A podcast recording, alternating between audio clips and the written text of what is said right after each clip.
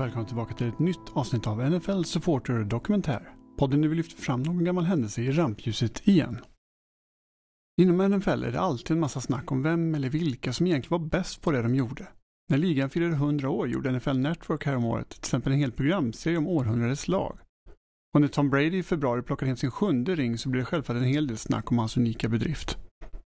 Om ringar är måttet så är han onekligen svårmatchad nu det blir allt färre som säger emot när någon kallar honom för the GOAT, det vill säga bäst genom alla tider.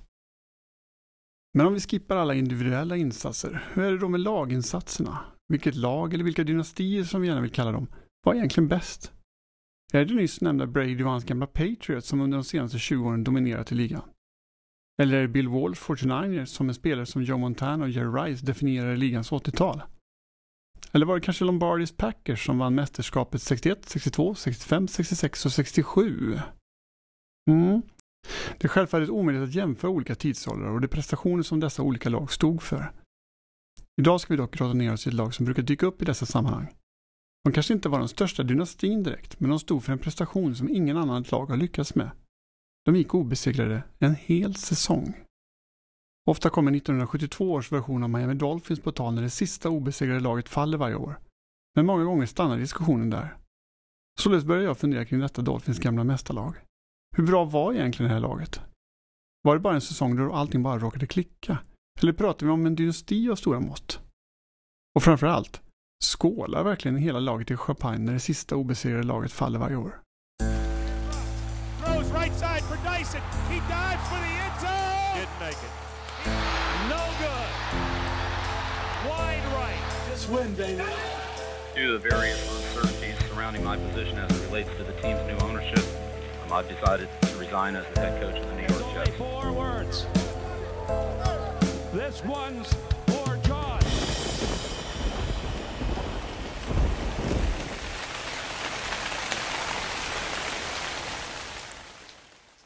Dagens avsnitt tog egentligen sin form efter att jag själv börjat fundera kring hur lite jag själv egentligen visste om det Miami Dolphins-lag som gick obesegrade och vann Super Bowl 1972. Personligen kan jag bara nämna några enstaka spelare och då var laget ändå i tre raka Super Bowl, varav de vann två. Tre raka besök i Super Bowl tyder ju ändå på en viss kontinuitet.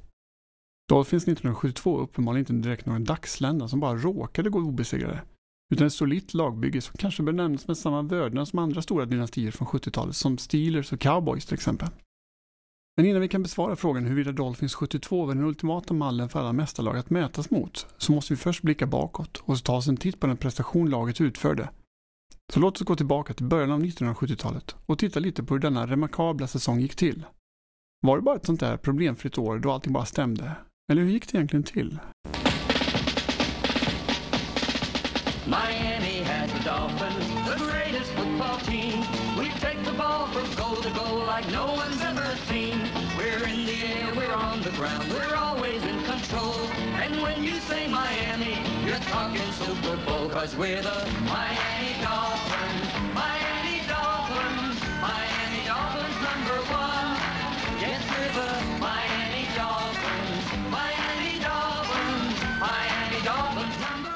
Historien om Miami är till stor del även historien om coachen Don Shula.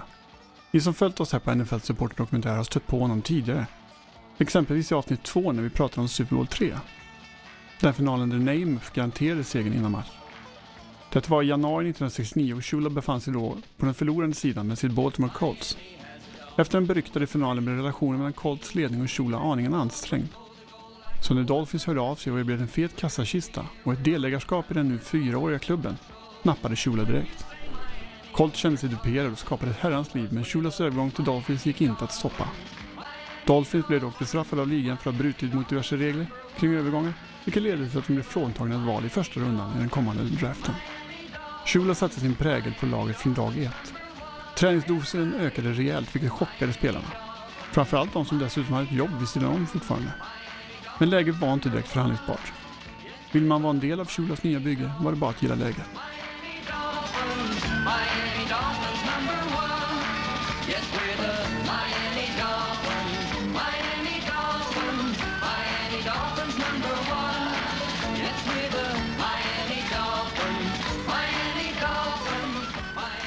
Vidare togs självfallet in en massa nya rekryter.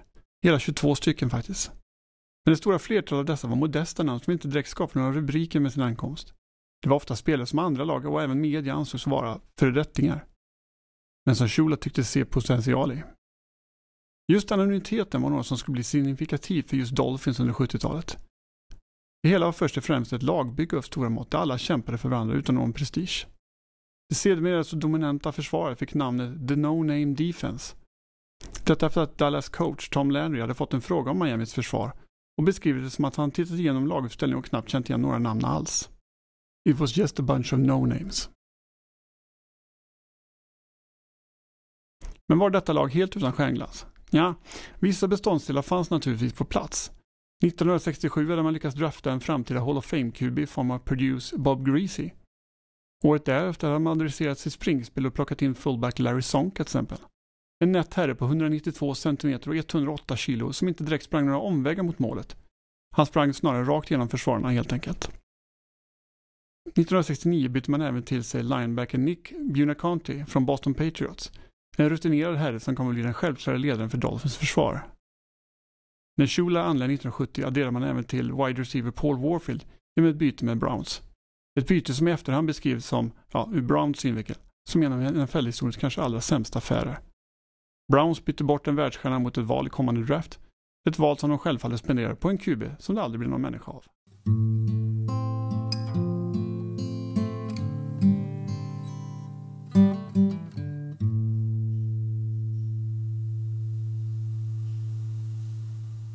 Innan Shula anlände till klubben hade den nu femåriga klubben aldrig vunnit mer än fyra matcher på en säsong. Man ansågs helt enkelt vara bottenskrapet i ligan. Man var det där nya laget som inte hade så bra koll och som alla såg ner på. Med Shula blev det dock ändring på det. Laget gick 10-4 redan den första säsongen. Det var ju bara 14 matcher på den här tiden. En prestation som räckte till slutspel. Väl där blev det dock respass direkt mot Oakland Raiders. Året därefter vann man för första gången sin division och tog sig ända till Super Bowl. Där mötte man dock en av dåtidens giganter i form av Dallas Cowboys som krossade Dolphins med 24-3. Med tanke på att Shula även hade förlorat en Super Bowl med Colts innan som vi nämnde, så var han nu 0-2 i finalen sett. Något som självfallet gjorde förlusten ännu värre. Skulle han bli den där coachen som aldrig kunde vinna något? Efterföljande off-season blev således än värre än vad spelarna varit med om tidigare. Det blev träningsläger till max och spelarna såg mer eller mindre inga andra personer än sina lagkamrater. Och vad gäller festen och andra begivenheter som träningsläger ibland bjuder på, så kunde de helt enkelt glömma det. Eller ja, som någon beskrev så gäller det att ta en öl så fort som möjligt efter träningen så att man hann upp till rummet i tid. Vid åtta ville Schul att alla skulle vara på sitt hotellrum nämligen. Så här i efterhand pratar spelarna om hur denna tid formade en kamratanda av sällan skådat slag. Men när det var mitt i den här träningstortyren så var det nog lätt att hålla sig för skratt.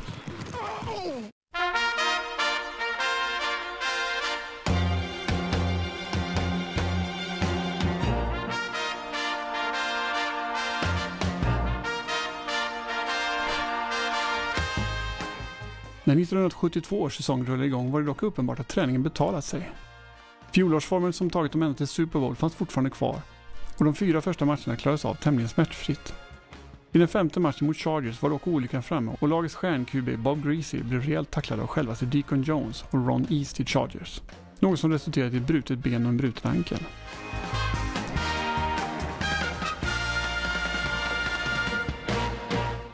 Precis när det hände så var det få som såg en obesegrad säsong framför sig. Dolphins karismatiske running back Mercury Morris var en av dessa skeptiker och blev än mer övertygad när han blev påmind om vem Greases ersättare var. In på planen kom nämligen Earl Morrell, en 38-årig veteran och vagabond i ligan som Morris som 10-åring hade tittat på när denne spelade i Steelers 1957. Nu 15 år senare var de lagkamrater och Morrell var den som skulle rädda säsongen genom att ersätta Greasy. Morrell må ha varit gammal, men han hade en sak som kom väl till pass när läget nu var som det var. Rutin och ett stort mått av lugn. Han klev helt enkelt fram till sina lagkamrater med ett enda budskap till dem. Vi löser det här. Och Moral fick rätt. Laget vann mot Chargers och Dolphins segersvit växte. Men hur kommer det sig då att ett lag som förknippas med perfektion kan hantera en sån här förlust? Att förlora en framtida Hall of Fame-QB borde vara en enkel väg mot en total katastrofsäsong. Ja, lösningen var mångfacetterad. Bland annat lyfte sig spelarna ännu snäpp. Den offensiva linjen förstod att de behövde spela på tårna i varenda snabb för att ge Morrill den lite extra tiden han behövde. Och likaså behövde alla andra lyfta sig för att kompensera förlusten av Greasy. Inte minst Morrill själv som klev in och spelade på ett mycket förtjänstfullt sätt under de kommande veckorna. Även om han bara kastade bollen 150 gånger under de resterande matcherna. Sen var det också den här lilla detaljen att Dolphins anno 1972 inte direkt var ett passningsorienterat lag. Snarare tvärtom. Man var mycket bollsäkert lag som byggde anfallet genom ett gediget springspel.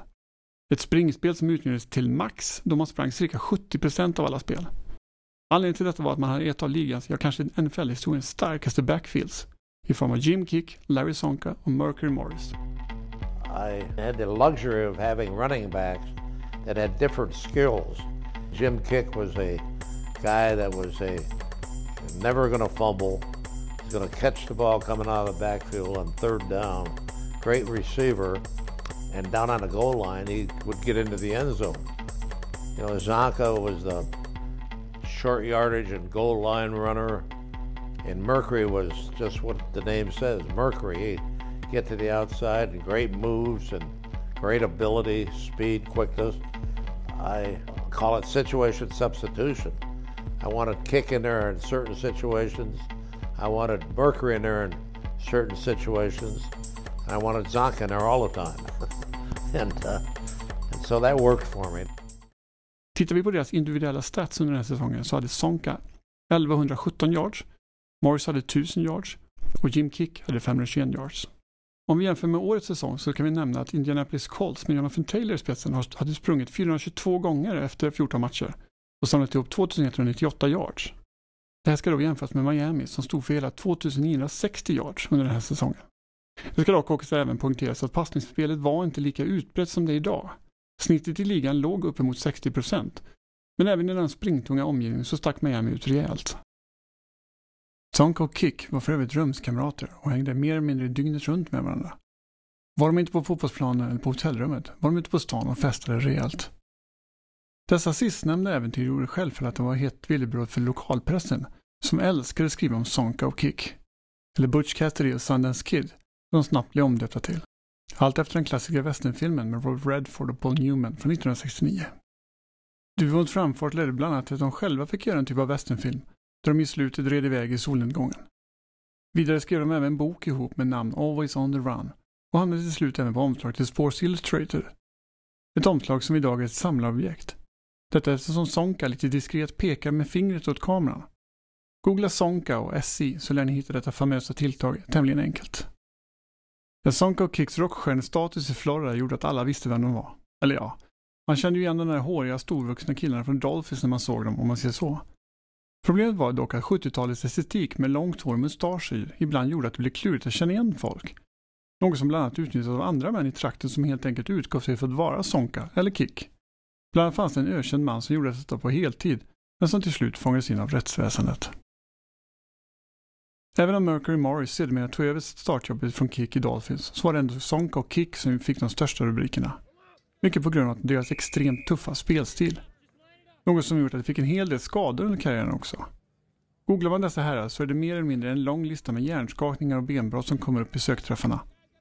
Bland annat finns det otaliga historier om hur de spelar med både ena och andra brutet och kropparna fulla av smärtstillande. Det ska också sägas att firman Sonk och Kick även gav en hel del smällar. Eller som media gärna skrev, they were kicking and sonking their way towards the goal line. En annan coach beskrev dem en gång som att Kick and sonka, you can't spell them and you can't stop them. Don Shula var då även snabb att lägga till And you can't trade for them. På videos från den här tiden kan man se hur spelet var av ett annat slag. Armbågar och knytnävar var en del av vardagen i NFL på ett sätt som aldrig skulle tillåtas idag. Något som självfallet satte sina spår på spelare från den här tiden som i många fall idag är idrottsinvalider av olika slag.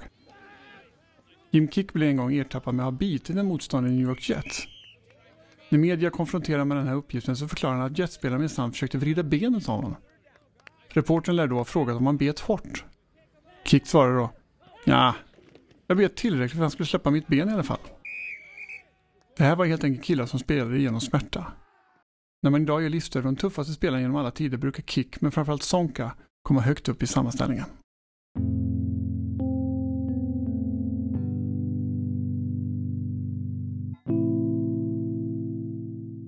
Trots den allvarliga skadan på Greasy rullar säsongen på i Miamis favör.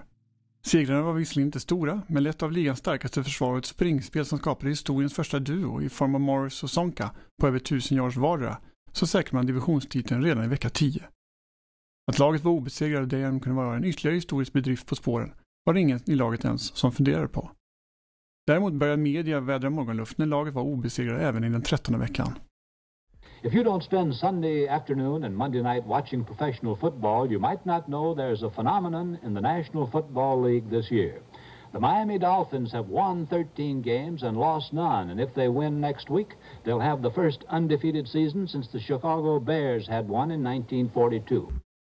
Nyhetsankarets föraning visade sig stämma och när grundserien avslutades en vecka senare så stod Dolphins där med 14 segrar och 0 förluster. Redo för fler skalper i slutspelet.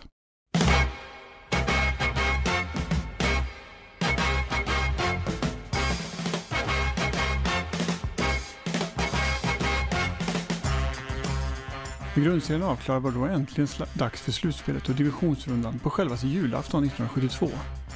För motståndet hemma på Orange Bowl stod Cleveland Browns som hade gått igenom grundserien med ändå imponerande 10 segrar. Matchen blev, som Dolphins säsong i stort, tämligen jämn. Men där Dolphins i slutändan drog det längsta strået när Jim Kick sprang in i tredje i sista kvarten och därmed fastställde slutresultatet till 2014.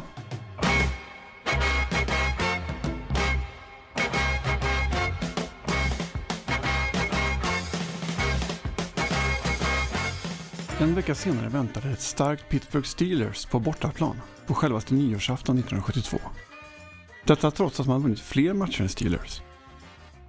Anledningen till detta var att hemmaplansfördelen inte byggde på vunna matcher utan baserades på ett alternerande schema på den här tiden. Segern satt dock långt inne och Dolphins vände först matchen efter att Bob Greasy återvände från sin skada och byttes in i matchens andra halva. Well, an airplane trip to sunny California is one way to get happy. But when you have a real sweet tooth, there's nothing like the taste of marmalade, molasses, and honey. Take it from Andy Williams.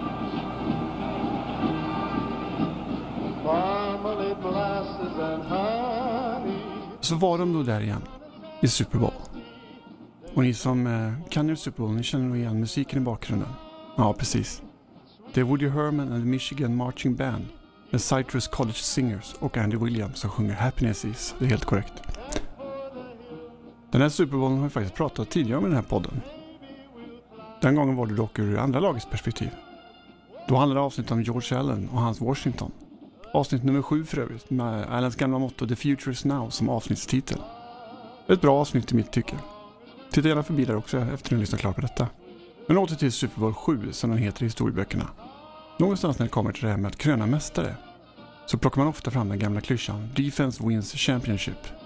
När Dolphins tog sig an Washington denna januarisöndag 1973 så var det onekligen ett sådant tillfälle.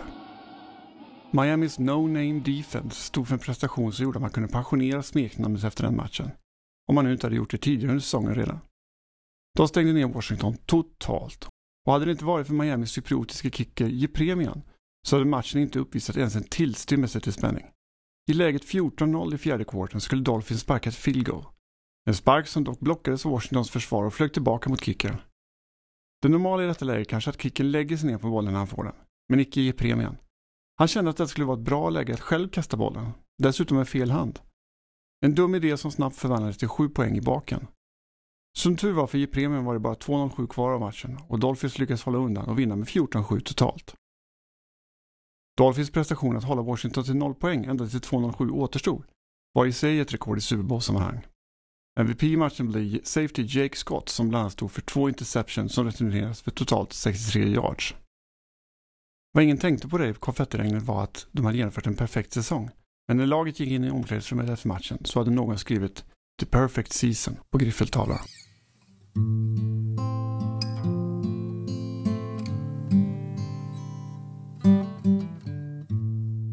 Miamis seger i Super Bowl 7 innebär att laget har gått 17-0 under säsongen och således stått för en bedrift som ingen har lyckats med sedan dess.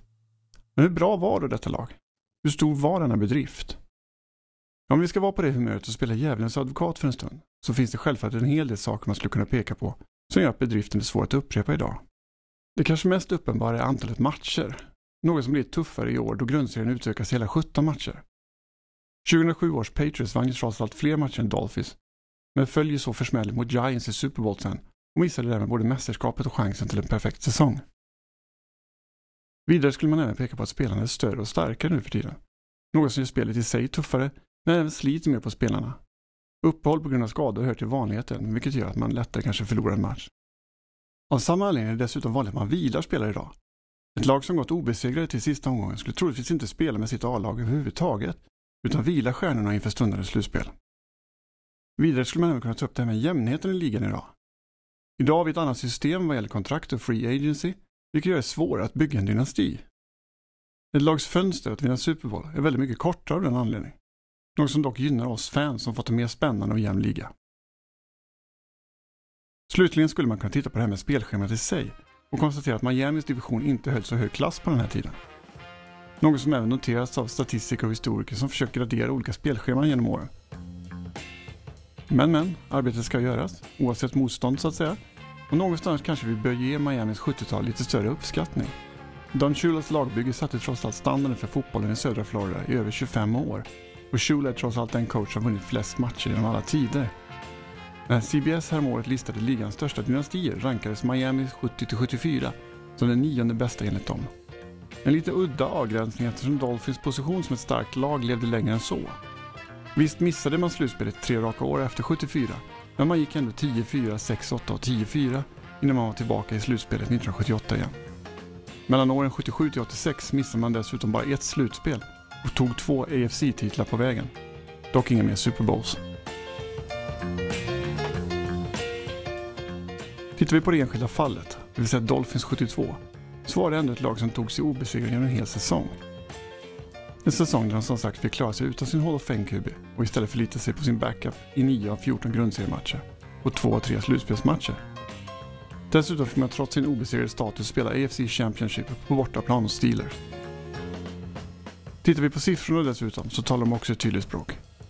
Miami gjorde flest poäng, de släppte till minst poäng, var etta på återvunna fumbles, tvåa i defensiva interceptions, tvåa i antalet offensiva first downs, etta i antalet defensiva first downs, etta i antalet springspel, etta i rushing yards, etta i yards per carry med 4,8 yards, bäst försvar och bäst anfall. Imponerande siffror, eller hur? Ja. Men är det tidernas bästa lag? Nej, troligtvis inte. Inte ens Don Shula själv tyckte det förresten. Personligen höll han 1973 års Dolphins mycket högre. Då gick man inte obesegrade, men man vann sina matcher tydligare. Man spelade med sin Hall of Fame-QB hela säsongen och vann slutligen Super Bowl en andra gång. För Shula var back-to-back Super Bowls mycket mer värt än en perfekt säsong. Ja, ibland är det väl dessutom så att man måste låta saker vara vad de är också. Ibland fastnar vi fans och även media i ändlösa diskussioner kring vem som är den bästa genom tiderna. Eller vilken dynasti som varit störst. Frågor som egentligen inte går att besvara. Vissa rekord är dessutom den art de är just rekord. Att till exempel Eric Dickerson skulle vara den bästa running backen genom alla tider kanske inte är säkert. Men det är trots allt han som har rekordet för antalet rushing yards under en säsong. Vissa saker är vad de är helt enkelt. För vad vi än kan tycka om Dolphins prestation, så vann de faktiskt alla matcher. När en journalist en gång försökte lura in Miamis ikoniska fullback Larry Sonka i nyss nämnda resonemang, så summerar han egentligen läget på ett perfekt sätt som dödade all debatt. Perfection ends a lot of arguments. Eller om man vill vara lite mer poetisk så kan man som Sonkas kollega Mercury Morris ta det på rim. Morris har för övrigt lite självutnämnt blivit försvarsadvokaten för Dolphins 72 år och är ofta den som tar till orda när prestationen behöver försvaras i media. Som i så många andra fall i media låter vi således Morris runda av dagens diskussion helt enkelt. För det är ju trots allt så. Om du ska konkurrera med 72ornas bedrift måste du trots allt vinna alla matcher. I know you wonder what it's like to lace up the shoes of a player stepping on the field without a thing to lose. The bus is posing up the view on ESPN, asking me that stupid question. Think they'll do it again? Once again, I'm holding school about the thought of defeat. I got no losses on my table, so you can't take my seat. My perfect history would tell you that the record's complete. Stand up, you busters playing if you tasted defeat. Every year they try to bust out trying to capture the crown. I've been trying to tell you, busters, you can't play in our town. And the answer to your question is still the same. You want to go undefeated, you got to win every game. I know you wonder. Mm. Det var alltså programmet om Dolphins 72 och deras perfekta säsong. Men jag hade ju en sak till vi var tvungna att besvara. Det var ju den här historien om huruvida laget skålar i champagne varje gång det sista obesegrade laget faller varje höst. En historia som jag själv gör till på att sprida i bloggosfären. Ja, det är ju tyvärr så att den här historien är en så kallad vandringssägen. Visst har det förekommit att spelarna skålat vid detta tillfälle och någon gång i tiden så har en journalist även lyckats fånga detta på bild. Men någon kontinuitet eller fullständig uppslutning av alla i laget har det aldrig varit tal om. Till mångt och mycket beror det här på ganska enkla saker. Dels är ju alla spelare inte med oss längre tyvärr. Samt eh, under hela 70-talet så splittrades ju laget och försvann ut över hela USA egentligen. Så rent geografiskt har det varit svårt att samla alla överhuvudtaget. Flera av spelarna har dock medgett att man emellanåt ringt upp någon gammal kollega och tagit en cola över telefon så att säga, för att fira tillfället. Men det har aldrig varit tal om att alla samlats och druckit champagne varje år. Ni som vaknade i Super Bowl 53 minns dock säkert hur ligan profiterade på denna vandringssägen. Det vill säga i februari 2019 när ligan fyllde 100 år så sändes en reklamfilm där otaliga NFL-stjärnor medverkade. Filmen visar upp en typ av formell fin middag där 44 legendarer från NFLs historia är samlade. Av någon anledning så utbryter ett tumult och mitt i detta kan man då se Larry Sonka, Larry Little och Paul Warfield från Miami Dolphins, 72 år, sitta och sippa lite i champagne i godan ro. Allt medan kollegorna tacklar sönder varandra och river ner festlokalen.